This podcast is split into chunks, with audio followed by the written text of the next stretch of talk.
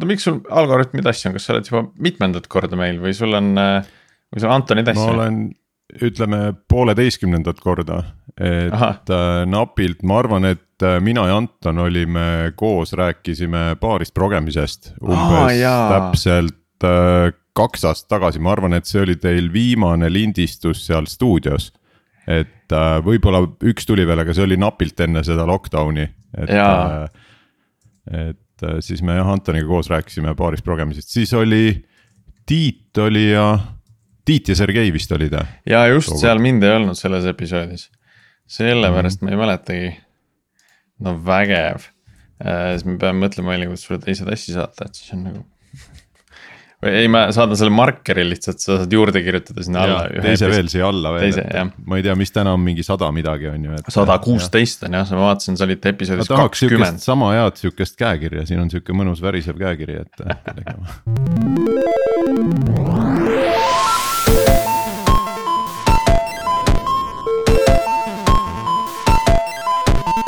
tere taas Algorütmi kuulama, on kahekümne seitsmes jaanuar ja eetris on meie saja kuueteistkümnes episood. mina olen Priit Liivak Nortalist ja koos minuga on salvestamas Martin Kapp Pipedrive'ist taas. Ehm, Agile on teema, mida oleme juba päris mitmes episoodis üritanud lahata ja rääkisime sellest nii üheksakümne teises episoodis kui saja seitsmendas episoodis, kes siis eh, tahab minna ja järgi kuulata. Ja räägime ka täna. külas on meil seekord Eerik Jõgi Codeborne'ist Äh, kes tuleb välja, et on, on meil ka varem olnud, aga meil on juba see episoodide loetelu on nii pikk, et äh, polegi, polnudki päris täpselt meeles. ja kuigi Eerik oli juba way back ehk siis enam-vähem sada episoodi tagasi et siis ma arvan, et meie kuulajad sind, võib-olla uuemad kuulajad ehk ei teagi, et tere tulemast, Eerik ja ole hea, tutvusta ennast meie kuulajatele mõne lausega. jaa, tervist, tore, et, et tahate kuulda sellel teemal, et ma olen, võib öelda jah, sellist agiilsel moel arendust teinud juba noh, ütleme siis nii, et lihtsustatult üle kahekümne aasta. Ja sellest äh, vähemalt pool aega Codeborne'is, et mille me ise tegime ja, ja ja see oligi see, mis, ma ei tea, võib-olla te räägite täpsemalt, kuidas teie seda nägite, aga kuidas mina äh, trügisin äh, siia saatesse, ütlesin, et kuulge, et äh, te räägite sellest agile'ist, aga ei tea liiga palju sellest, nagu tundub äh, jutu järgi. me räägime täiesti valesti. tegelikult tehakse seda mm. -hmm. Ehm, aga hakkame siis kuskilt otsast pihta, et, et kuidas siis sina näed, mis asi see agile on? jah, ma ütleks, et see agile on äh, ühest küljest mõtteviis aga teisest küljest on ta ikkagi seal taga, et see, kui sa lihtsalt ütled agile, siis see võibki olla lihtsalt mõtteviis, aga seal taga, kui me jõuame ikkagi nagu progemiseni, sest agile sa võid olla tehes ka midagi muud. aga kui me jõuame progemiseni, siis see on ikkagi äh, üsna selged praktikad, mis on juba vanemad kui ma arvan, mõned meie kuulajad isegi. et ja mida, mida tegelikult järgides on täiesti võimalik väga hästi ja, ja kvaliteetselt tarkvara tarnida. ja see on see, mis on tegelikult oluline. et, et kõik, kõik muu on nagu seal ümber igasugune vaht, aga, aga noh, mida, mida aeg edasi, seda, seda rohkem ma näen, et tegelikult need äh kõik vastused on juba nagu ammu või noh, need enamus mured on ammu juba ära lahendatud ja tegelikult on need vastused olemas aga see paar episoodi tagasi te otsisitegi seda next agile'i või, või mis on nagu next big thing või midagi sellist, et noh, nagu selles maailmas, et, et kuidas paremini tarkvara toota. ja siin ma väidan, et tegelikult äh, inimesed on natuke liiga kärsitud, õppimaks selgeks neid praktikaid, mis tegelikult on juba välja mõeldud ja mis töötavad väga hästi. ja selle asemel äh, jooksevad mingit järgmist asja otsima ma arvan, et see ei ole kindlasti meie, meie nii-öelda valdkonnas spetsiifiline, seda on näha ka muudes valdkondades, kus inimesed lihtsalt otsivad millegi uut kogu aeg ilma selleta, et nagu põhjalikult süveneda ja hästi teha midagi olemasolevat, aga, aga see on, see on see nagu põhimõtteliselt. ehk siis eh, see, mida sa ütled, eh, no jättes, jättes selle kõrvale, et võib-olla ei peakski midagi uut õppima, vaid peaks nagu agile'i rohkem süvenema. et mina olen aru saanud niimoodi, et, et see võib tähendada väga erinevate inimgruppide jaoks väga erinevaid asju. et selles mõttes on, on väga oluline nagu täpsustada, et, et kui me lihtsalt ei räägi agile'ist, vaid me räägime agile'ist tarkvaraarendus kontekstis. et ka juhtimise kontekstis räägitakse agile'ist sageli. aga noh, need võivad olla nagu üsnagi erinevad asjad isegi sama ettevõtte piires, ma ütleks. ma arvan, et täna jah, võiks nagu hoida fookust sellel, sellel tar ühe tarkvaraprojekti läbiviimisel. seal on kindlasti ka mingil määral selliseid äh, juhtimispraktikaid, aga ka see fookus on sellel, et kuidas hästi luua tarkvara, mis vastab kliendi vajadustele või tellija vajadustele, ükskõik kes see siis on. et noh, nagu kui räägime üldiselt mingi ettevõtte juhtimisest ja seal agile praktikaid rakend-, praktikaid rakendada, et ma arvan, et see läheb liiga laiaks, see teema. nõus, hoiame seda, hoiame raamides endiselt. ma tahtsingi täpsustada, et, et kus, kust ütleme, võtame siis nagu arenduses äh, agiilsed metodoloogiad, eks ole, et. ja praktikad, et kus, kust, mis on need komponendid või kust see piir võiks joosta, et nagu aru saada, et, et meie arendus just Äh, konkreetselt on nagu kiire, õhuke, äh, kuidas me iganes nimetame seda, lean või agile. Et kus maalt see, et, et millistes, millises juhtimistasemes me võiks siis nagu hakata eristama, et, et me ei ürita kõike ühte kompotti panna nagu. ei no ma arvan, et kui meie, kui me räägime ükskõik, kas mingi tiimi või, või ettevõtte tasemel sellest, et me peame tarnima head tarkvara siis, siis me räägime sellest põhimõtteliselt äh, äh, software engineering võib inglise keeles öelda sellest, et kuidas teha seda tarkvara ja agiilsed praktikad on need. Mis siis siin on, äh, mis ongi need, mis annavad selle vastuse ja noh, tegelikult siin on see koht, kus äh, võib-olla öelda sihuke, et lähme täpsemaks, et äh, extreme programming ehk XP on see, mida meie oleme juba no ütleme, kakskümmend aastat viljelenud ja kus minu meelest on need vastused olemas. siin on ka teine äh, nii-öelda lause, mis on, et Scrum, Scrum is not enough, mida on paljud öelnud. Et äh, mulle tundubki, et Scrum on ainult äh, pigem sellised äh, juhtimispraktikad, aga nad ei anna tegelikult vastust arendajatele, et, et äh, kuidas või ütleme sellele. noh, kõik, mis jääb juhtimisest natuke allapoole, et kuidas tegelikult mingid asjad ära teha, et juhtimine on ainult see pinnapealne osa seal. ja, ja ma küll tunnistan, et mul ei ole mingit äh, Scrum Masteri või kellegi sertifikaati ja ma ei tea, mis on äh,, mis on see täpne algne Scrum, mil, mis välja mõeldi ja seda on ka Scrumil on nii palju, ma tean, et need Scrumi loojad on ka öelnud, et need, mis, need, mis nemad algul välja mõtlesid. ja see äri, mis sellest täna tehtud on, on ka natukene või päris oluliselt transformeerunud. et see, kui kõik teevad mingeid Scrumi sertifikaate, ma ei tea, seal on vist mingeid erinevaid, et sa oled certified see ja certified see. et äh, see ei ole see, mis teeb sind reaalselt äh, agiilseks, see noh, tegelikult küsimus on eesmärk ei ole mitte olla agiilne, vaid eesmärk on hästi tarkvara luua.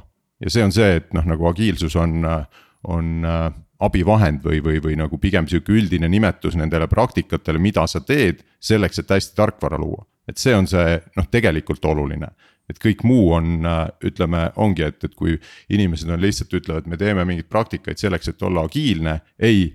me oleme agiilsed selleks, et teha paremini tarkvara ja ma olen sellega nõus, et see, see agiilsus on või on nagu pigem nagu distsipliin isegi võiks öelda, et see, see on just, see, mis sul nagu täpselt. kogu aeg on sihuke taustal või, või, või kuskil kuklas nagu käib, eks ole, et sa jälgid oma neid põhimõtteid, eks.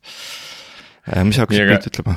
Äh, ma hakkasin mõtlema seda, et äh, et tarkvara poole peal, noh, kui me täitsa nagu koodi poole minna, et siis vahel, mida raamistikud teevad, et, et nad loovad teatud piirangud arendajate jaoks selleks, et arendajad äh, Äh, mingeid printsiipe paremini saaksid, mitte paremini, lihtsamini järgiksid või et tõenäosus oleks suurem, et nad järgivad mingeid häid printsiipe, selleks seatakse mingid raamid.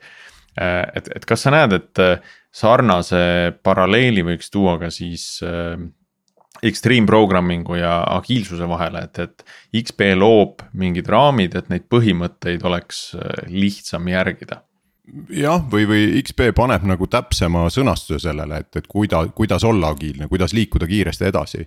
et tegelikult see, see sõna, mida Martin kasutas, väga õige on nagu distsipliin. et need on nagu tegelikult on see, et kui sul ei ole distsipliini, siis tegelikult äh, head äh,, head tulemust ei saavuta. ja seda me võime vaadata nagu näiteks äh, hea võrdlus on lennundusega, kui äh, kahju, et äh, ei ole Tiitu siin, Tiit kindlasti oskaks sellest nagu täpsemalt rääkida. aga põhimõtteliselt on see, et ma arvan, et isegi väiksematel lennukitel, millega Tiit lendab ja kindlasti väga suurtel lennukitel on nagu checklist'id, et kui inimesed, kui piloot läheb sinna kabiini, istub maha, siis ta võtab ette checklist'i. ja see, kuigi ta teeb seda juba nagu saja tuhandendat või ma ei tea, mitmendat korda. ta võtab ikka selle checklist'i välja ja ta kontrollib üle ja tal on tõenäoliselt, mida suurem lennuk, siis on nagu teised inimesed veel, kes nagu veenduvad selles, et see on tehtud.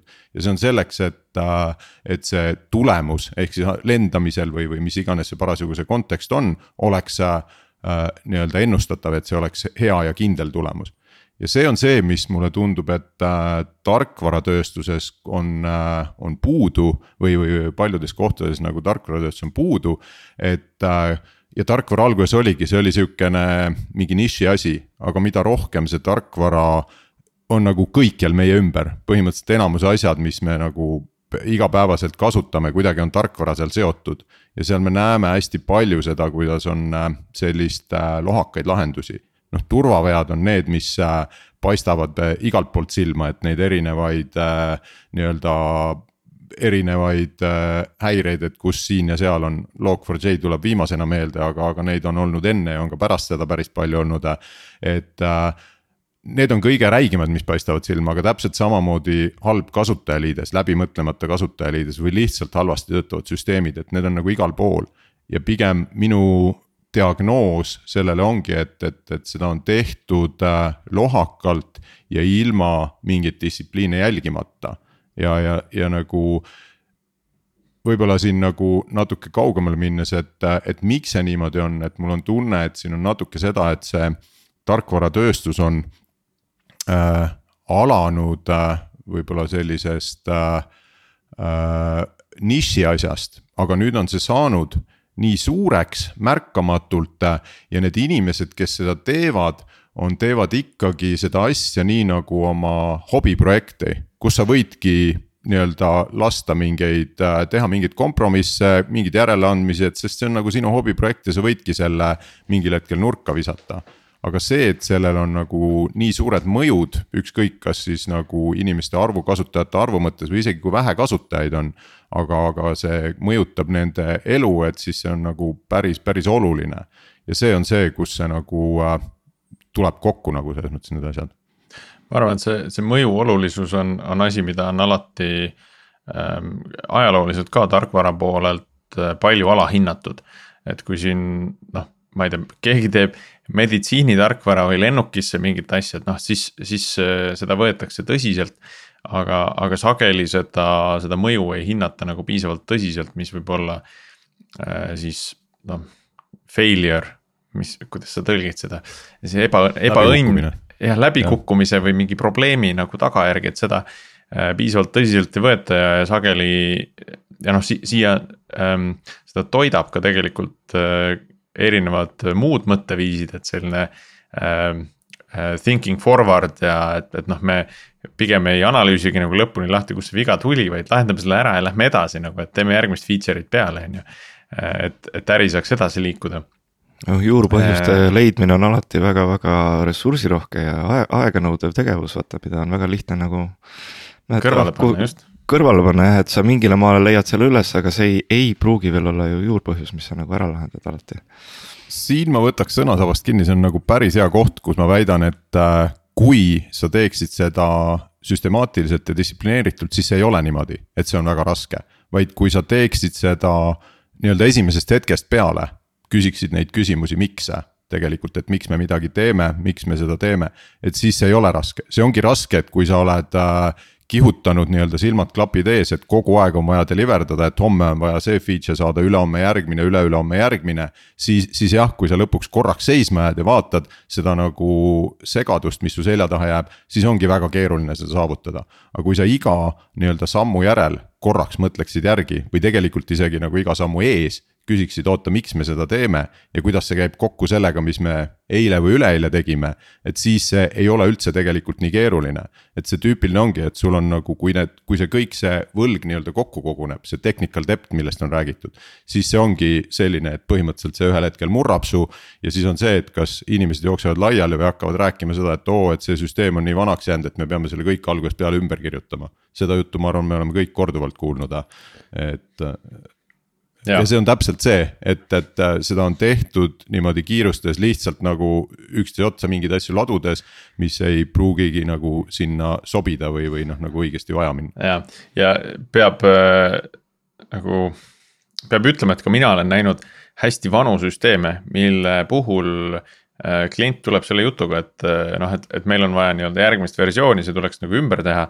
ja, ja siis või et, et seda arhitektuuri tahaks muuta ja kui sinna päriselt nagu koodi sisse vaadata, et siis noh, ise lähen ka eelarvamusega peale, et oo oh, no ju on mingi, mingi jama siia kokku kirjutatud. aga, aga teed selle koodibaasi lahti, vaatad, kuule päris hea on, et pole nagu viga, et noh, on küll nagu seitse aastat tagasi arhitektuur, eks ole, et monoliit ja kõik need kihid on hästi selgelt paigas. aga no ilus on lugeda, kõik on arusaadav ja kuskil nagu mingit äh, paanikat ei ole, et noh, testid on kõik ja noh, täitsa hea on. nagu, et seal koodibaasis on arendajana mõnus olla, on ju, et seda mingit distsipliini on seal nagu rangelt järgitud ja tegelikult tulemus on, on näha. no siin on, ma tooks ka veel kontekstiks, et, et miks me üldse nagu vaata vahel tahame ümber kirjutada, ei ole üldse tegelikult sellepärast, et see kood või, või see oleks nagu halb, eks ole või et tollel ajal, kui see, see artefakt tehti, eks ole, et see arhitektuur oleks halb olnud. sest et noh, et äh, tarkvara arhitektuur nagu isegi see definitsioon ütleb, et see on nagu het-, parim lahendus äh, selle tarkvarasüsteemi jaoks. Et nende komponendid koos töötaksid aga fakt on selles, et meil ka elu liigub edasi, eks ole, mis tähendab seda, et, et see, see tegelikult parim arhitektuur saab olla parim ainult tollel hetkel ja, ja üle ajapikku kõigi muude asjade nagu elu ja toote nõudmiste ja kliendi nõudmiste ja kõigi nende muutumise tõttu. see arhitektuur hakkab üks hetk lihtsalt vananema, et seal, et kui me seda ei hoia nagu tollel hetkel nagu parimat, vaata. et mõnikord on nagu see, et tegelikult ta ongi jube hea arhitektuur olnud. aga lihtsalt, et kui need nõudmised üks hetk me avastame kaheksa aastat hiljem, et meil on tulnud mingisugused Tiktokid, Instagramid ja kõik muud asjad ja kõik on sotsiaalmeedia hästi peab olema kuidagi teistmoodi. inimeste mindset on nii palju muutunud või mõtlemine, et, et, et tegelikult üks väga hea arhitektuur lihtsalt äh, ongi vana, nagu autod on nagu see, et jube hea auto oli, mis tehti tuhat üheksasada kaheksakümmend, aga noh, ta ei ole ikkagi tänapäevane enam, eks. arhitektuur on midagi natuke enamat, võib öelda, et lennukid, võta hea võrdluse, lennukid, et äh, lennukite arhitektuur on olnud sama, ma kindlasti eksin nüüd, aga, aga nagu lihtsustatult öeldes sada aastat et äh, võib-olla natuke vähem. ma arvan, see on väga et, hea metafoor, et me nüüd räägime lennukitest nii palju, hoolimata sellest, et Tiitu ei ole. Vaata, Erik, sa tead, nende tiiva otsadesse pandi kunagi mingid need tipud, et kütust säästa ja. nagu kaks protsenti. kas see on arhitektuur või? just, et ma tahtsin küsida, kas sa, kas sa paned selle nagu arhitektuuri alla või sa ei paned pane. selle nagu pigem disaini alla juba? arhitektuur on see, et lennuki, milline on lennuki kere, kus need mootorid asuvad, mis on see aerodünaamika, kuidas töötab, et, et see on nagu arhitektuur, et, et noh, nagu võib öelda, et arhitektuuri muutus oli siis, kui ühel hetkel hakkas tekkima see fly by wire. et nagu mootoriteni ei jooksnud mingid kaabli või need äh, trossid ja, ja mingid mehaanilised ühendused, vaid tekkisid juhtmed. aga isegi see nagu enamus lennukist jäi samaks. ja tegelikult nagu täpselt samamoodi ma väidan, et, et noh, nagu see arhitektuuri muudatus, et mis see siis on, et kui, et meil on ehitatud mingi asi, mingi, ma ei tea vana raamistiku peal ja, ja kasutab mingit vana andmebaasi et kas see nagu on kuidagi halb, et, et minu meelest me paneme siin natuke liiga kergekäeliselt vana ja halva vahele võrdusmärgi. et see, et mingi asi on kirjutatud kakskümmend aastat tagasi ja see keel võib-olla on natuke edasi arenenud ja, ja tegelikult nüüd juba kõik räägivad microservice itest, kuigi tol hetkel räägiti mis need olid, web service'id ja SOA-d ja, ja korbad ja, ja mingid RMI-d, tegelikult need on nagu täpselt samasugused tehnoloogiad, et ega nagu liiga palju tegelikult muutunud ei ole. see, et sul tegelikult äh, on muutunud see seal arhitektuuri sees see üks, ma ei tea, protokoll või, või, või mingi põhimõte. et see on nagu oluline äh, või noh, nagu väike osa aga, aga nagu suur pilt on tegelikult jäänud samaks, kuidas ehitati rakendusi, ma ei tea, kümme, kakskümmend aastat tagasi. üks jah, ma olen nõus, väga oluline muudatus, mis on see, on see nii-öelda äh, rohkem brauserisse liikumine ehk need single page apps või see kui jääb nagu äh, serveri pool HTML-i genereerimine ära ja see on liikunud äh, brauseritesse, seal on need uued React, Vue äh,, Svelte, mis iganes raamistikud. see on, muudab oluliselt äh, rakenduste sellist üldist arhitektuuri, aga niikaua, kui sa teed mingeid teenuseid, siis nende teenuste ehitamiseks tegelikult äh, isegi kui seal on äh, äh võimalik äh, muuta mingit allolevat tehnoloogiat või sa võtad mingi uuema versiooni mis iganes keelt sa parasjagu kasutad sellest kasutusele, siis sa saad seal järk-järgult võtta kasutusele uusi nõkse. aga sa ei pea sellepärast tervet raamis, tervet rakendust ümber kirjutama. et me nagu tormame nagu, et aa, see on uus, järelikult see on parem, et see nagu alati ei pruugi nagu niimoodi olla. Eerik, ma arvan, et see on ajaga väga palju muutunud ka, me alles, meil oli siin üks äh, arendajate selline koolitusüritus äh, selline off-site. ja, ja, ja seal me meenutasime ka neid vanu häid aegu, kus, kus sageli tuldi konverentsilt tagasi mingisuguse järgmise uue tehnoloogiaga ja see tuli kohe nagu sinna projekti sisse panna, et, et et see küp-, küpsemine on nagu tekkinud äh, kogu selles sektoris, et iga uus asi võib-olla ei ole nii, nii hea ja äge, et kohe tuleks kasutada ja aga tegelikult ma tahtsin ka veel täpsustada, et tegelikult ma ei ole, et me ikkagi põhimõtteliselt räägime Äh, mõnes mõttes sarnastest asjadest, võib-olla ma kontekstiks toon juurde, et minu väite juures lihtsalt on see, et. et ja ma ei räägi ka tegelikult, et ma ei pea ka keelt arhitektuuri osaks otseselt, eks ole, et see on ikkagi, et kui me räägime tarkvarasüsteemist. ja nende komponentide vahelisest seostest, et see on nagu see arhitektuur. aga see, see sõltub pigem sellest, et milline on äriline vajadus tollele tarkvarasüsteemile mis võib ajas muutuda ja siis see arhitektuur muutub. et arhitektuuri nii-öelda mustrid, kas nad on mikroteenused või nad on äh,, event driven, on eesti keeles selle jaoks mingit head mõistet ka mm, või nad on, eks ole, et jah, et, et, et, et siis need laia, noh, suures pildis nad on tõesti, nad on ju väga ammu juba välja mõeldud süsteemid ja mustrid, eks ole, et et millist mustrit ajas kasutada. sellisel juhul tuleb see..., tulebki vahetada nii-öelda ühed head mustrid järgmiste heade mustrite vastu. just täpselt, täpselt. alustad halvast kohast, siis on väga raske seda vahetust teha. et nüüd me kuidagi ähm, agiilsete distsipliinide juurest jõudsime nagu hästi tehniliste väga, väga suurte skaalani, eks ole, väga sellest väiksemast, ma, ma ütleks, seal on natukene või no mitte natuke, aga seal ongi isegi päris äh, tugev seos, et äh, Äh, üks XP, sihuke extreme programming'u sihukesest olulistest põhimõtetest on, äh, et võimalikult äh, lihtne arhitektuur ja võimalikult selline tehniliselt äh,. Inglise keeles on see dry või, või, või, või hästi, hästi selline kompaktne nagu see kood selleks, et äh, et rahuldada neid ärivajadusi ja seal on see, et igasugused tehnilised nüansid peaks olema sellised kõrvaldetailid, mida sa saad hiljem välja vahetada. et oluline on see, et, et see, et see äriloogika oleks tegelikult kirjutatud nii, et sa võid isegi teoreetiliselt hiljem vajadusel kunagi nagu mitmete aastate pärast, isegi kui sa tahad seda kasutajaliidest täiesti ümber teha, et lähedki sellelt äh, server-site genereerimiselt üle sellisele äh, client-side äh, ütleme brauseris rakenduse joonistamiseni, et sihuke rest up'i peale, ütleme siis nii. et siis see ei tohiks sundida sind sinu rakendust ümber kirjutama, sinu rakenduse sees on sinu äriklassid mis tegelevad sinu, mis iganes su äri, sul on tõenäoliselt seal mingid kliendid, mingid lepingud, mis iganes asjad need on. et, et see loogika on kõik täpselt sama sa võib-olla pead neid natukene teises järjekorras mingeid meetodeid välja kutsuma või, või võib-olla.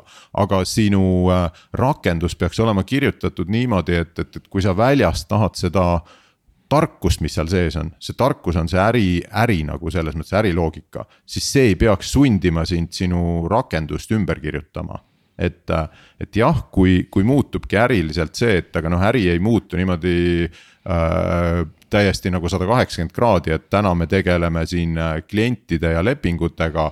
homme me tegeleme hoopis nagu, ma ei tea, mingite lennukite ja, ja, ja mingite, ma ei tea, mutrivõtmetega. et, et, et ärid niimoodi ei muutu, et äri ikkagi, kui ta transformeerub, siis mingi hästi palju osa jääb samaks. tekivad uued teenused, uued mingid äh, äh, uut tüüpi lepingud, uut tüüpi asjad, aga see, see nagu sisu, see core jääb samaks.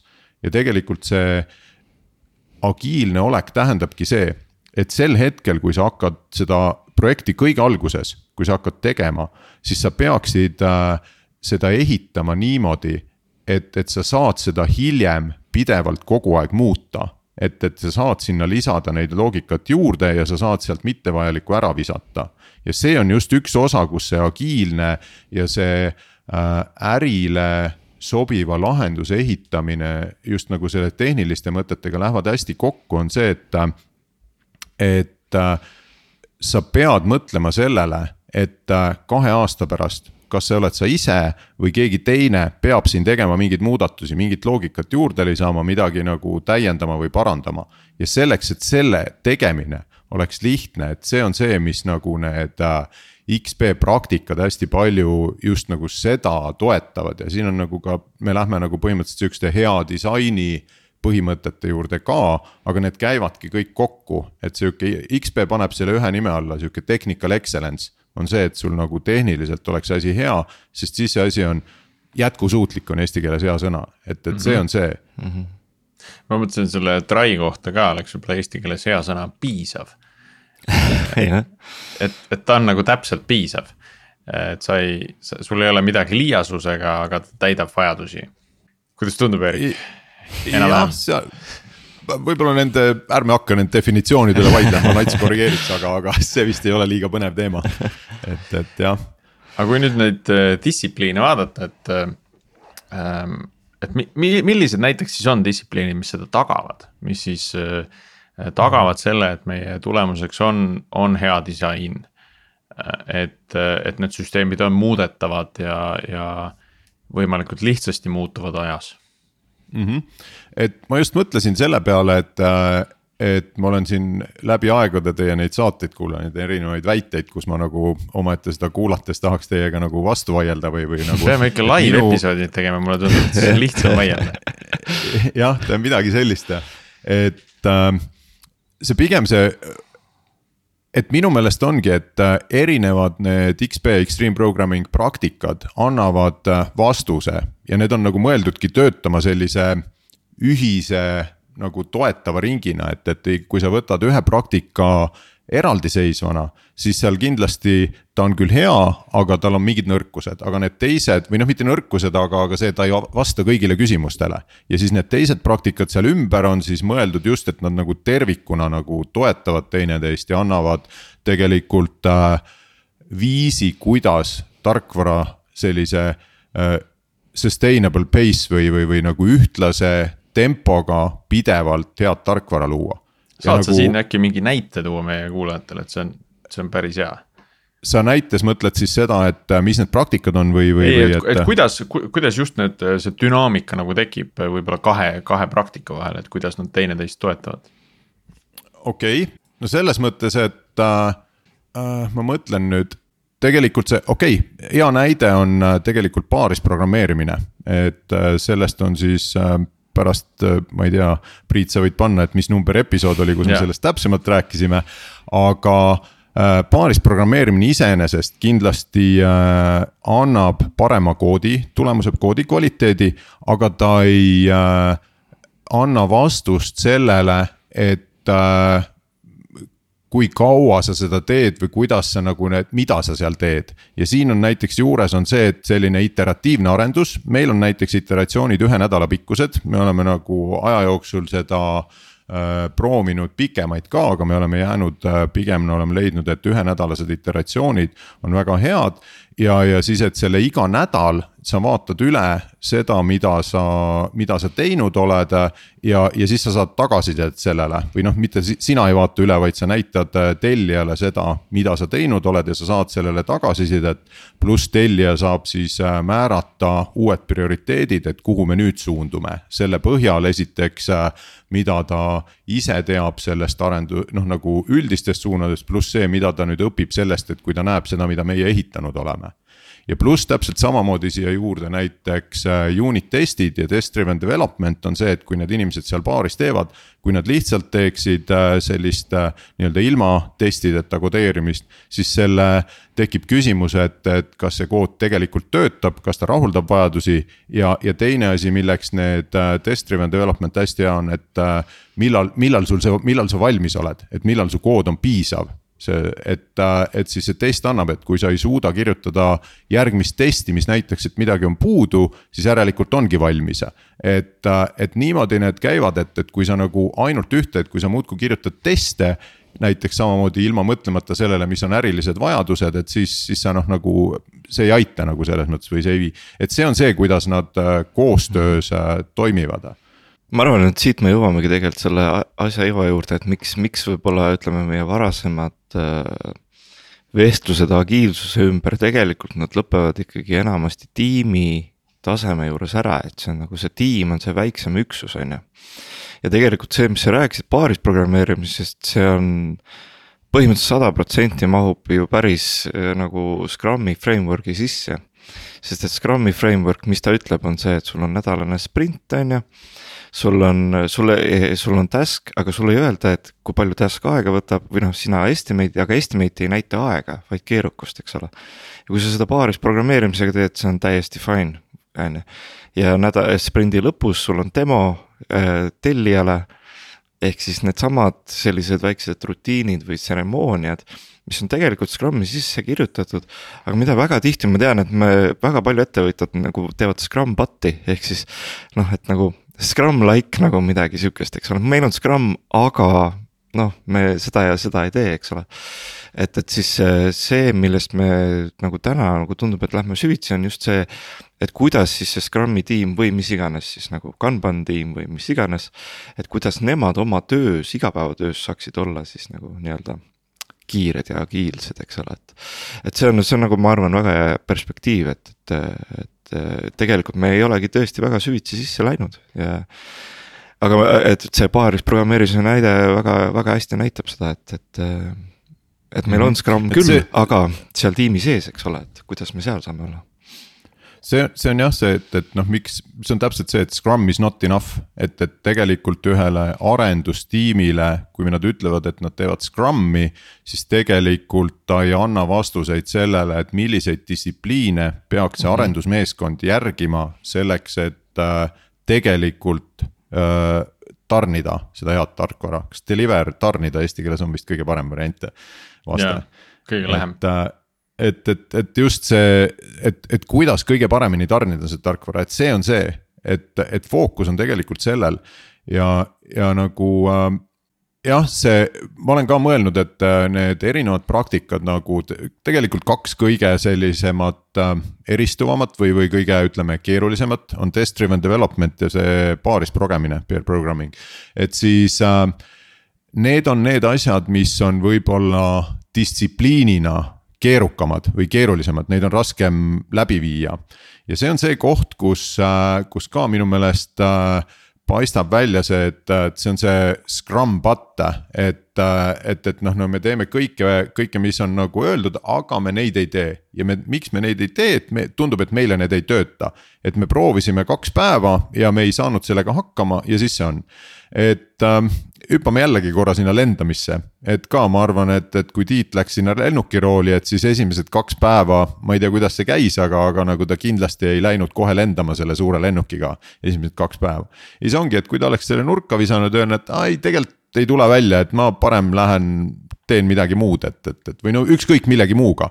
et kui sa mingit asja proovid kaks päeva ja selle põhjalt otsustad, et, et see ei ole sinu jaoks. siis mina väidan, et kõik need inimesed tegelikult peaksid selle koha pealt, okei okay,, fine, et nad ei tee seda, see on nende valik. aga nad peaksid suu kinni hoidma selle koha pealt, et öelda, et see ei tööta sest selles mõttes nad ei ole seda proovinud. sa saad öelda, et mingi asi ei tööta, kui sa oled seda reaalselt proovinud, teinud nagu mingi aastase projekti, seda proovinud. ja siis saanud aru, et okei okay,, et me tegime seda, aga meil olid need ja need nõrkused sealjuures, et me ei saanud nende asjadega hakkama. siis sa saad öelda tõesti, et see ei tööta, et see on sihuke nagu professionaalne lähenemine, et, et kui nagu midagi ei tööta ja, ja kui sa tegelikult seda, neid praktikaid nii palju proovid, siis tegelikult äh, sa, sa ka nagu õpid, kuidas need nagu tegelikult panna tööle või noh, selles mõttes, et kui sa võtad mingit praktikat, kus sa ikkagi näed, et on nagu väga-väga palju inimesi maailmas, kes on selle enda jaoks tööle saanud.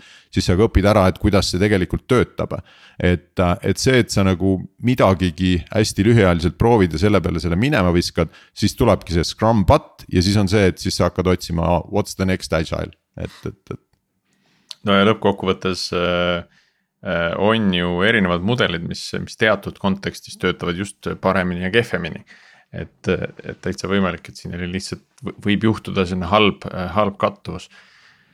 Ähm. muidugi siin on seesama, et, et tegelikult on Eerikul väga hea point on nagu see, et, et kes iganes hakkab nagu Scrumi viljelema et võtke päriselt mingisugune koolitus ja võtke see Scrum üks-ühele ette kõigepealt enne kui, enne kui hakkame optimeerima, sest et ma olen sama näinud, et tegelikult seal Scrumi, selles täielikus Scrumis. noh, on palju, palju rituaale, aga need on, kõigil on nagu oma koht ka nagu selles süsteemis, et tegelikult, et eh, enne kui optimeerima hakkame jah, siis eh, on, on väga kasulik nagu proovida vähemalt teha mõnda ja aega. teine, ma arvan, mõte, mida tänasest eh, episoodist kaasa võtta, et, et kui te siis hakkate Scrumi tegema, et ärge siis öelge, et te olete kohe agiilsed ja, ja, ja. Need, need asjad ei ole, ole võrdsus. ma isegi võiks öelda, et see, et olles ka Scrumi teinud juba noh, mõnda aega, eks ole, erinevates kohtades, siis, siis alguses Scrumiga alustamine kindlasti ei ole agiilne. kindlasti ei ole, sellepärast et see on omamoodi jälle teistmoodi protsess ja, ja distsipliin, mis kõigepealt vajab harjumist ja sissetöötamist. enne kui ta muutub nagu noh, sihukeseks noh, nagu ikka, see on mingisuguse, õpid jalgrattaga sõitma, alguses vingerdad rohkem ja, ja mis iganes, pärast võid kihutada, eks ole, sellega. just täpselt, et siin on nagu üks, üks metafoor või mida ma veel olen kuulnud sellist mõtet, et äh, see on, kehtib nii selliste tehniliste oskuste kohta mingi uute tehnoloogiate õppimise kui ka uue metoodika õppimise kohta. on see, et äh, on toodud võrdlus äh, muusikutega kui muusikud, kui sina näed mingit bändi laval mängimas, et siis sa näed seda, kui nad äh, teevad seda nii-öelda esinema. demo või noh, nii-öelda jah, see on demo, see on see demo, mida sa näed, aga sellele eelneb nädalate, kuude, noh, tõenäoliselt nagu pikkune harjutamine ja selleks, et üldse sa noh, kui mingid äh, keerulisemad instrumendid on, seal on kindlasti aastatepikkune töö seal taga. et see on see, mida sa ei näe seal taga, et äh, kui äh, kui nagu meie midagi teeme, et isegi kui me kirjutame reaalselt äh, kliendile ärilist koodi, et siis äh, see on ka see, et kus me mingil määral oleme laval ja teeme seda esinemist aga sinna peaks arvestama juurde, et, et selleks, et sa seda hästi teeksid, sa pead ka, sul peab jääma see aeg seda harjutada, pluss nagu selles mõttes siis see, et arvestada sellega, et harjutamisel ei tule kohe välja. et, et siis sa pead olema valmis, et tüüpiliselt on ka see, et mis ma olen natuke võib-olla sinna koodi poole kaldudes, et aga hästi inimestel, progejatel on äh, ütleme äh, selline mentaalne või sihuke plokk koodi kustutamisega, et kui ma olen mingi koodi valmis saanud, see nagu enam-vähem töötab, siis nagu inimesed ei taha seda kustutada, et, et noh, nagu. et see on nagu kuidagi minu oma ja, ja, ja seal tekib, ma ei tea, mingi selline omanditunnetus mina olen tegelikult täiesti vastand sellele. iga kord, kui ma saan mingit koodi kustutada, olgu see minu kirjutatud või kellegi teise kirjutatud, ma olen väga rõõmus. sellepärast, et iga vähem rida koode on vähem mingite bugide või, või, või hiljem tulema, tulevikus vajaminevate koodiridade arv, mida nagu peab muutma. et, et ja tegelikult ükskõik mis kood, kui te kirjutate esimest korda mingit probleemi lahendate, kui te kirjutate esimest korda. Si-, ja siis te peate selle ära kustutama ja sellesama asja kasvõi viie minuti pärast uuesti kirjutama. siis ma olen nagu täiesti kindel, et te teete seda palju paremini. ja see lahendus, mida te teete, on nagu palju jätkusuutlikum, kui te olete selles mõttega kaasas, et mitte ei kiirusta seal jällegi seda teist korda tehes. aga kui te olete selle mõttega ja nüüd mõelda nagu niipidi, et ühele äriettevõttele, et, et mis on ikkagi nagu jätkusuutlikum lahendus. et isegi need startup'id, millel on nagu kohe-kohe vaja deliver dada nagu selles mõttes. et ka neil on tegelikult vaja elus olla aasta pärast ja kahe aasta pärast. ja, ja nagu selles mõttes, et äkki ikkagi on seal ka nagu see mõte, et äkki me ei pea kohe kihutama nagu kõige esimese lahendusega, paneme laivi ja kõik nagu töötab ja vaatame, kuidas nagu tööd läheb, et, et. et seal nagu äkki natukene korraks peatuda, mõelda, et see on tegelikult refactoring on selle nimi, on see, mis extreme programming us selle nimi on. et, et vaata üle ennem kui sa commit'id. et kas seal koodis on midagi, mida paremaks teha, see on tegelikult äh, ma arvan, et kui guugeldada programmer checklist'e, et seesama, et me rääkisime, et lenduritel on see checklist ennem lendu, siis meie oleme, meil on endal see pigem on mälus, et me oleme vahest nagu mõelnud seda. et tegelikult peaks ennem igat commit'i peaks olema checklist, mida sa oled läbi teinud, et kas sa, kas kõik testid on läbi run itud, kogu test suite, et see tegelikult midagi katki ei teinud, kas sa oled kõik refactor danud, mis sa saad. veel mingid asjad seal üle vaadata selleks, et nagu kas see, mis sa nüüd commit'id, on nagu parim asi üldse võimalik. Et, et see on sihuke asi, millega tegelikult äh, väga paljud kahjuks ei tegele. See on nii vägev, sellepärast et ma just äh, noh, et äh, noh, vahetasin arvutit ja vanad failid vaja uude saada ja kõik niimoodi, eks ole, ja siis mul tuli ette ka aastast kaks tuhat kaksteist, kui me siin Pipedrive'is veel väiksem olime, et, et meil oli pull review checklist oli, kus oli kuus punkti oli järjest kirjas, et. ja enam-vähem täpselt samad asjad, et kas sellel on nagu make ib sense'i see pull request, et kas see muudatus on õige, kas see muudatus vajab teste, noh, kõik siuksed lihtsad asjad, eks ole, aga, aga. oot, oot, oot, oot, oot, oot, kas, kas muudatus vajab teste või, kas sa kirjutasid ilma testideta siis? kas muudatus vajab testide muutmist? Pigem siis ma täpsustan. no see tähendab, et sa muutsid midagi ilma testi kirjutamata. kui sa lähed koodi, ei, kui sa lähed koodi ja sa pead sinna mingi äriloogika juurde panema, siis esimene asi, kirjuta test, mis näitab, et see loogika on puudu. ja siis kirjuta ja see muudatus sinna, niimoodi sa saad seda. ja ma nagu challenge iks, et miks te ei tee niimoodi see oli kaks tuhat kaksteist, Erik. Ah.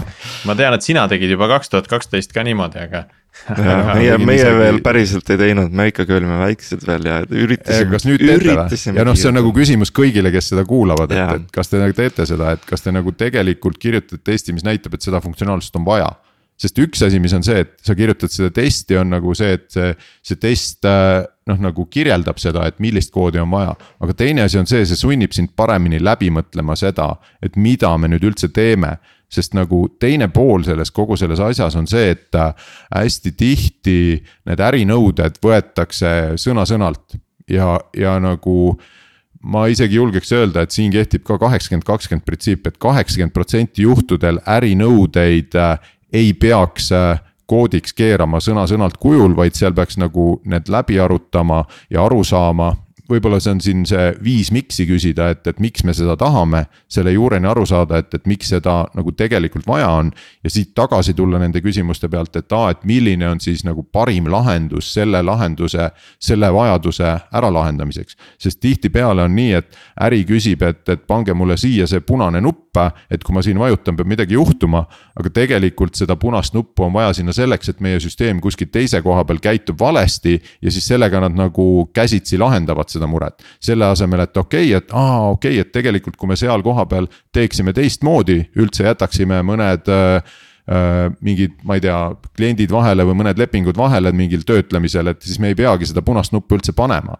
et selline süvenemine sellesse loogikasse, et mida tegelikult vaja on, aitabki ja need testid on ka üks koht, mis tegelikult aitavad selle koha peal, et üldse aru saada, et mida me teeme nüüd, et miks me seda teeme aga see on, see on natuke jälle selline metoodika, mis äh, arendaja või selline, selline äh, distsipliin siis, et mida järgides äh, arendaja paneb iseennast teatavatesse raamidesse. et, et see sunnib teda tegema mingeid asju, muidugi ta võiks ju äh, täiesti äh, vastuolulise arvamuse viskan siin välja, aga ta võiks ka läbi, ilma testideta selle põhjalikult läbi mõelda.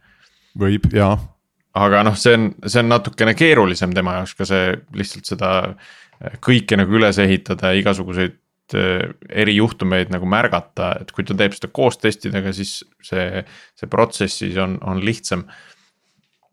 Äh, aga mõeldes nüüd nende distsipliinide peale veel, et, et. Ähm, et kas, kas me suudame näiteks arendustiimidele anda mingi sellise, mingi sellise checklist'i mida nad äh, saaksid kasutada või mingid, mingid ideed, mida nad võiks nagu rohkem äh, kasutusele võtta, et noh, üks asi, ühe asja me oleme siin välja öelnud, et, et seesama testide kirjutamine, et testid enne.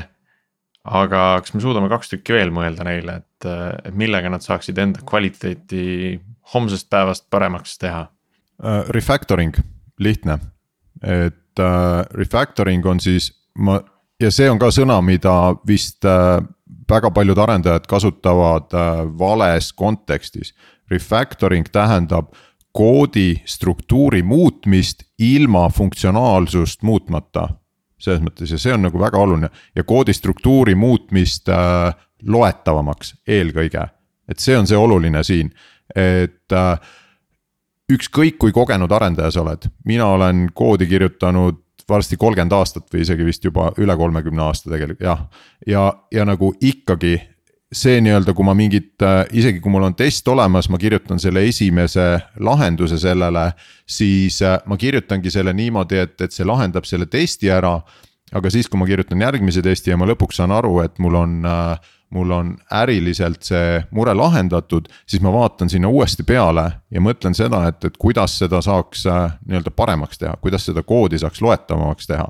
sest võib-olla üks mõte, mis on äh, mis on äh, mõnedele võõras, aga mõnedele tuttav, on see, et me ei kirjuta koodi mitte arvuti jaoks selleks, kui me tahaks arvuti jaoks koodi kirjutada, me võiks seda kirjutada oluliselt teistsugusel kujul.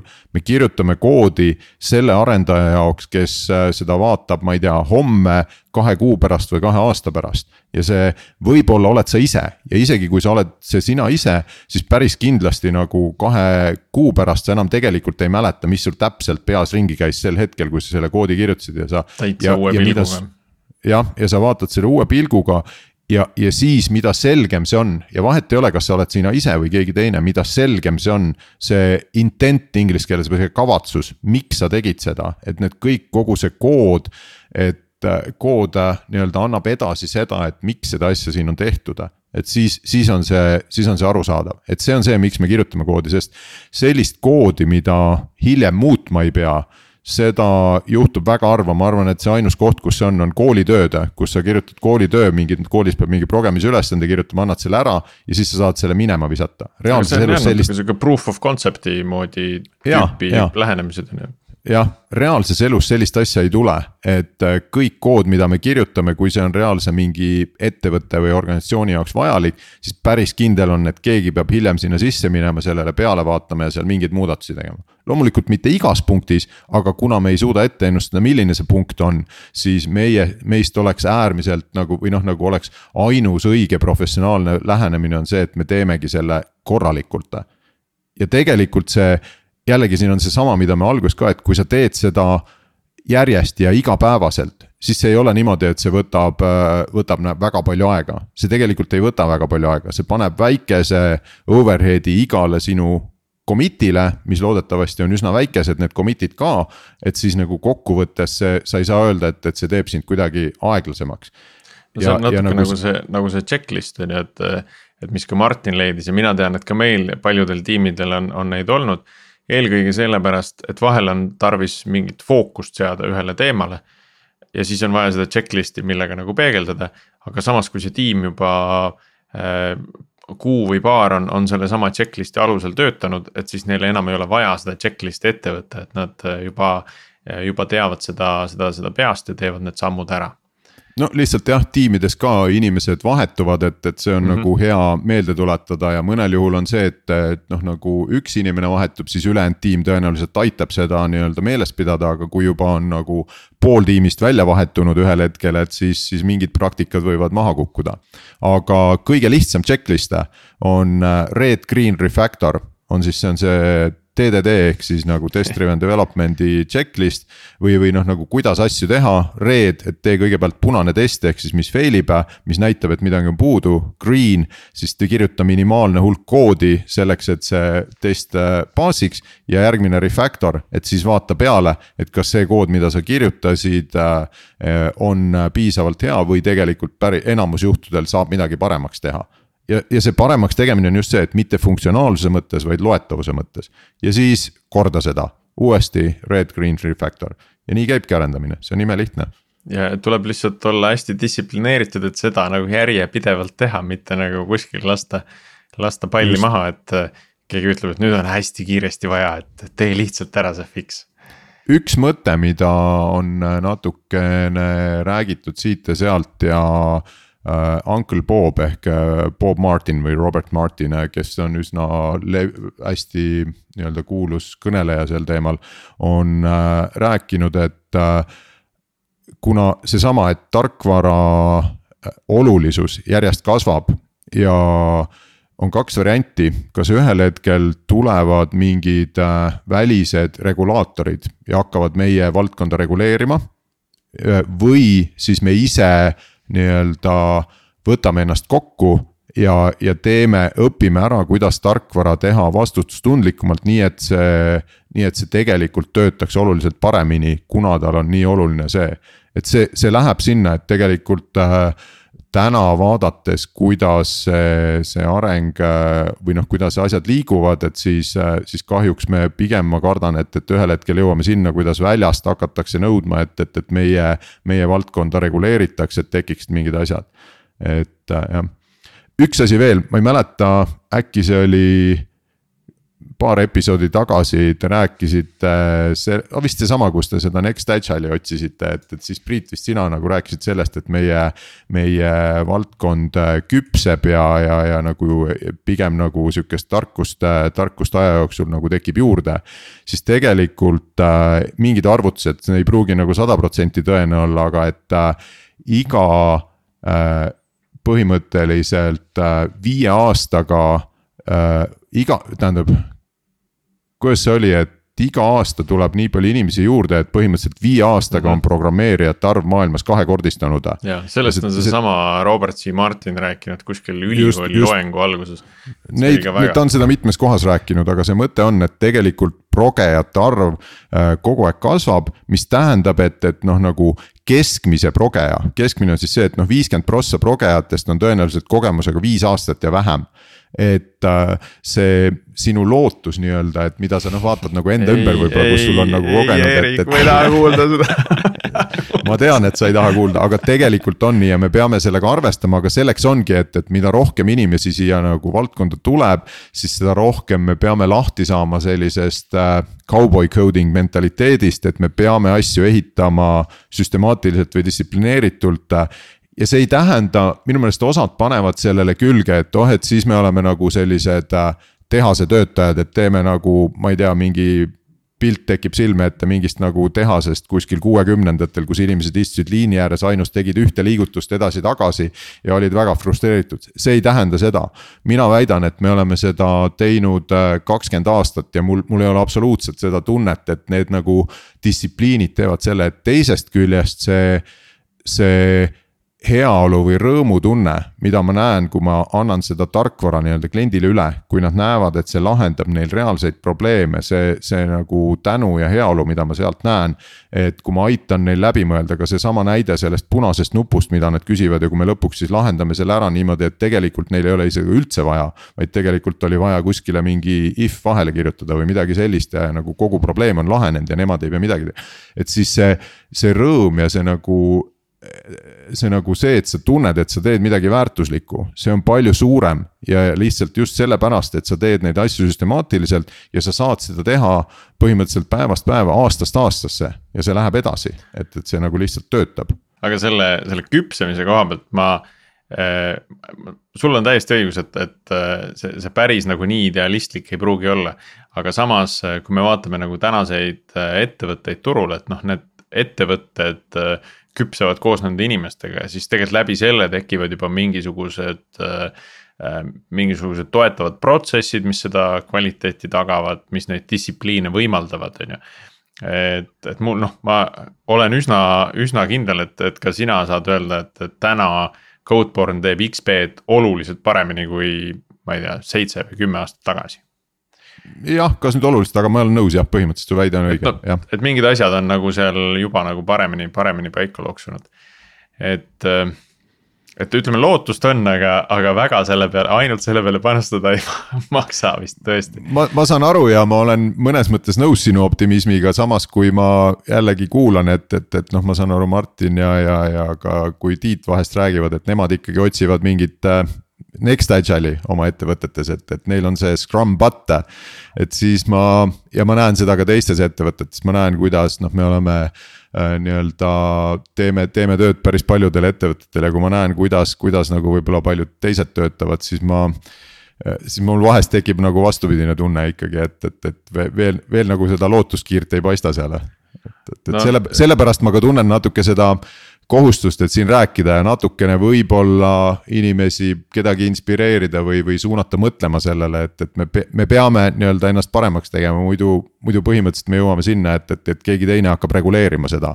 et, et pigem, kui me seda ise teeme, siis see tulemus on et me teeme seda õigetest kohtadest, sest väline regulatsioon on alati formaalne, mitte, mitte rohkem, sisuline. rohkem naudingut pakkuv on see, kui ise õigete lahendusteni jõuda.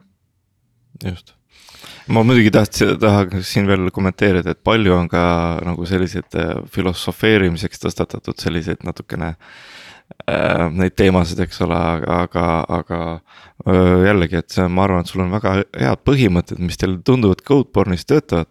ja teine asi on tõesti see, et, et kasvades äh, ühe tooteorganisatsioonina, need probleemid kipuvad hästi tihti, tihti nagu need õiged lahendused kipuvad kuskile ära kaduma, sellepärast lihtsalt meil kasv on nii suur ja me ei jõua seda kõigile võib-olla, kõigil ei ole ka sama mõttelaad, eks ole, et siis. aga see, et näiteks äh, rääkides nagu tiimi enda sisesest äh, agiilsusest, mis on siis põhimõtteliselt tänase teema, tänase saate teema all, on ju.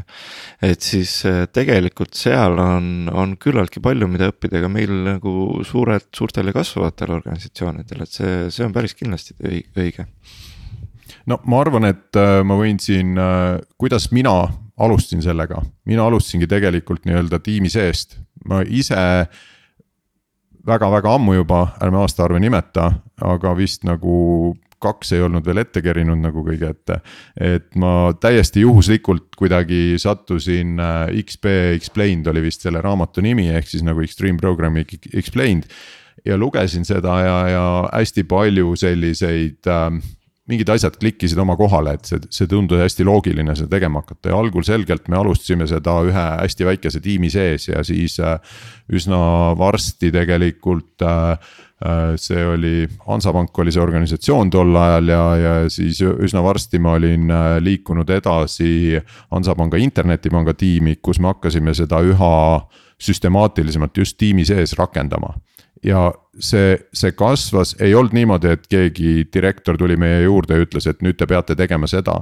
Vaid me ise tiimi sees hakkasime kasutama neid praktikaid, meil oli, see oli, see oli tooteorganisatsioon, see on täiesti võrreldav nende, nende suurte startup idega, tollel hetkel veel kindlasti äh,. Hansapangas oli, võib öelda, tol hetkel ei olnud vist sõna startup veel leiutatud või võib-olla oli, aga, aga seda keegi ei kasutanud, aga mõte oli siiski sama, see areng oli päris kiire. Ja, ja meil ei olnud äh, kordagi mingeid nagu muresid või, või pigem oligi nagu see, et me saime seal tooteorganisatsioonis pigem nagu ärile äh, häid lahendusi pakkuda tänu oma lahendustele. Ja, ja, ja, ja üritasime seda ka, aga ma saan aru ka sellest, kui sa ütled, et, et sealsamas organisatsiooni sees, noh, meie olime üks tiim äh, paljudest. ma ei tea isegi, palju neid oli, aja jooksul see kasvas. Ja me üritasime ka seda mõtteviisi äh, müüa teistele.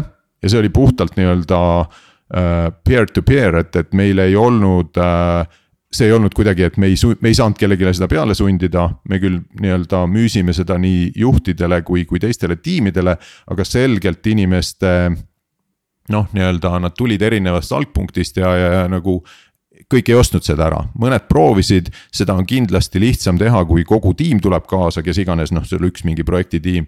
aga, aga see, see, ma saan aru, miks see nagu organisatsioonis on raske, aga siin ongi see, et, et kui see ühest küljest sul on tiim, kes ise seda tahab teha ja see organisatsioon seda veel toetab ka sellise nagu laiemalt ja, ja võib-olla juhtkonna tasemel, et siis, siis see oleks küll see kombinatsioon, kuidas seda saab ühe tiimi pealt äh, edasi suunata, suunata teistele tiimidele. ja kuidas me ka seal seda tegime, et natukene laienesime tänu sellele, et äh, me, need inimesed, kes olid seda juba harjutanud, liikusid äh, teistesse tiimidesse ka ja aitasid seal seda juurutada erineva nii-öelda edukusega ja see kindlasti ei olnud lihtne, aga, aga, aga see kindlasti on võimalik läbi selle. et ja noh, nagu mida aeg edasi ja nüüd seda tehes sellisel ütleme kommertsturul või kus me nagu reaalselt peame nii-öelda näitama, et, et me deliver dame, sellises ma väidan, et, et. sellises tooteorganisatsioonis on tegelikult mingil määral lihtsam, et, et sul ei ole ikkagi nagu iga töötunni eest ei, keegi ei loe seda nii-öelda raha, rahaarvet nagu tegelikult ei kirjutata välja, loomulikult seal raha loetakse. aga see ei käi nii, nii äh, absoluutsel tasemel ja, ja, ja isegi nagu seda enam tegelikult see äh, et teha ainult õiget asja, teha seda efektiivselt ja teha seda jätkusuutlikult, et see on, see on veelgi olulisem ja me, ja me tegelikult suudame seda teha. et äh, ja me oleme tegelikult algusest peale olnud hästi avatud selles, et kuidas me seda teeme, me oleme seda rääkinud erinevatel äh, kus iganes, kes on nagu konverentsidel, mingitel koolitustel oleme ülikoolidesse rääkinud, et äh, see ei ole mingi saladus. et XP-st on kirjutatud ka raamatuid, et, et, et siin, siin ei ole mingit nagu saladust, aga, aga et nagu. kahjuks kuidagi vähesed on valmis sinna nii-öelda seda hüpet tegema ja, ja sinna nagu kaasa tulema no see on, see on keeruline, eks ole, et noh, igasuguse distsipliini rakendamine äh, on noh, see, see ei ole kerge, et ja, aga see annab tulemusi. Siin on, siin on võib-olla üks nüanss veel, et mis ma praegu hakkasin mõtlema, et, et ma olen tegelikult meil osad tiimid samamoodi vahelduva eduga teevad seda XP-d, eks ole, ja, ja paaris programmeerimist. aga see ei ole nagu sihuke järjepidev, et noh, et iga task'i või iga probleemi kallal nagu seda niimoodi lahendatakse, on ju. Ja teine asi, et, et siin võib-olla tekib see ka, et, et kuidas sa nagu iseendale müüd selle nagu maha, et aga kui aga kui kaks inimest te teevad ainult ühte asja korraga nagu, siis me saame ju vähem tehtud ju tegelikult vaata. noh, olles seda ka ise proovinud, reaalne tulemus lõpus on nagu võit on hoopis teises kohas, eks ole, kui see, et sa saad nagu kaks task'i paralleelselt teha, eks ole. aga, aga et see, et iseendale ja teistele töötajatele, kes ei ole seda enne proovinud, et kuidas seda nagu vot, vot siin ongi see, et, et. et see on see leap of faith või midagi sihukest, et tead, aga ja. proovi enne ja siis vaata, et, et mis see tulemus on. no vot, et kui sa seda kaks päeva proovidki, et, et kaks meest teevad ja. kahekesi paaris ühte task'i ja teine mees teeb üksinda mingi teise task'i ja saab selle ka tehtud, et kui nagu kahe päeva. täpsusega seda või mitte täpsusega, kahe päeva pealt seda võrrelda, siis seal ei olegi seda vahet. aga pigem on nüüd see, et, et kui seal see ülejäänud selline need toetavad tegevused on ka taga, siis tegelikult on see, et läheb, äh, läheb äh, kuu aega mööda. ja siis on see, et see, mida see mees üksinda tegi, seal sees tulevad välja mingid probleemid aga see, mida need nagu kaks meest kahekesi tegid, seal on vähem probleeme. see ei ole see, et seal ei ole probleeme, et alati ikkagi nagu on võimalik, et ka kahe inimesest tuleb midagi nagu. aga neid on päris kindlasti oluliselt vähem. ja see on see, kust see üks oluline osa sellest võidust tuleb seal on teisi asju veel ja, ja me, see on see kogu see paarist progemise teema, et me võime, ma võin hea meelega sellest veel tunni otsa rääkida, aga ma kardan, et nagu sellest, sellest on juba tund episoodi olemas. Yeah.. just, me kindlasti show notes'ide all ka lingime. aga tänase episoodi aeg on meil äh, otsa lõppenud. Äh, tänan, Eerik, äh, tulemast, väga põnev episood oli ja väga mitmeid huvitavaid mõtteid nii meile kui kindlasti loodetavasti ka meie kuulajatele ja kuulajatele äh, soovin mõnusat nädalat ja kuulmiseni järgmisel, järgmisel neljapäeval.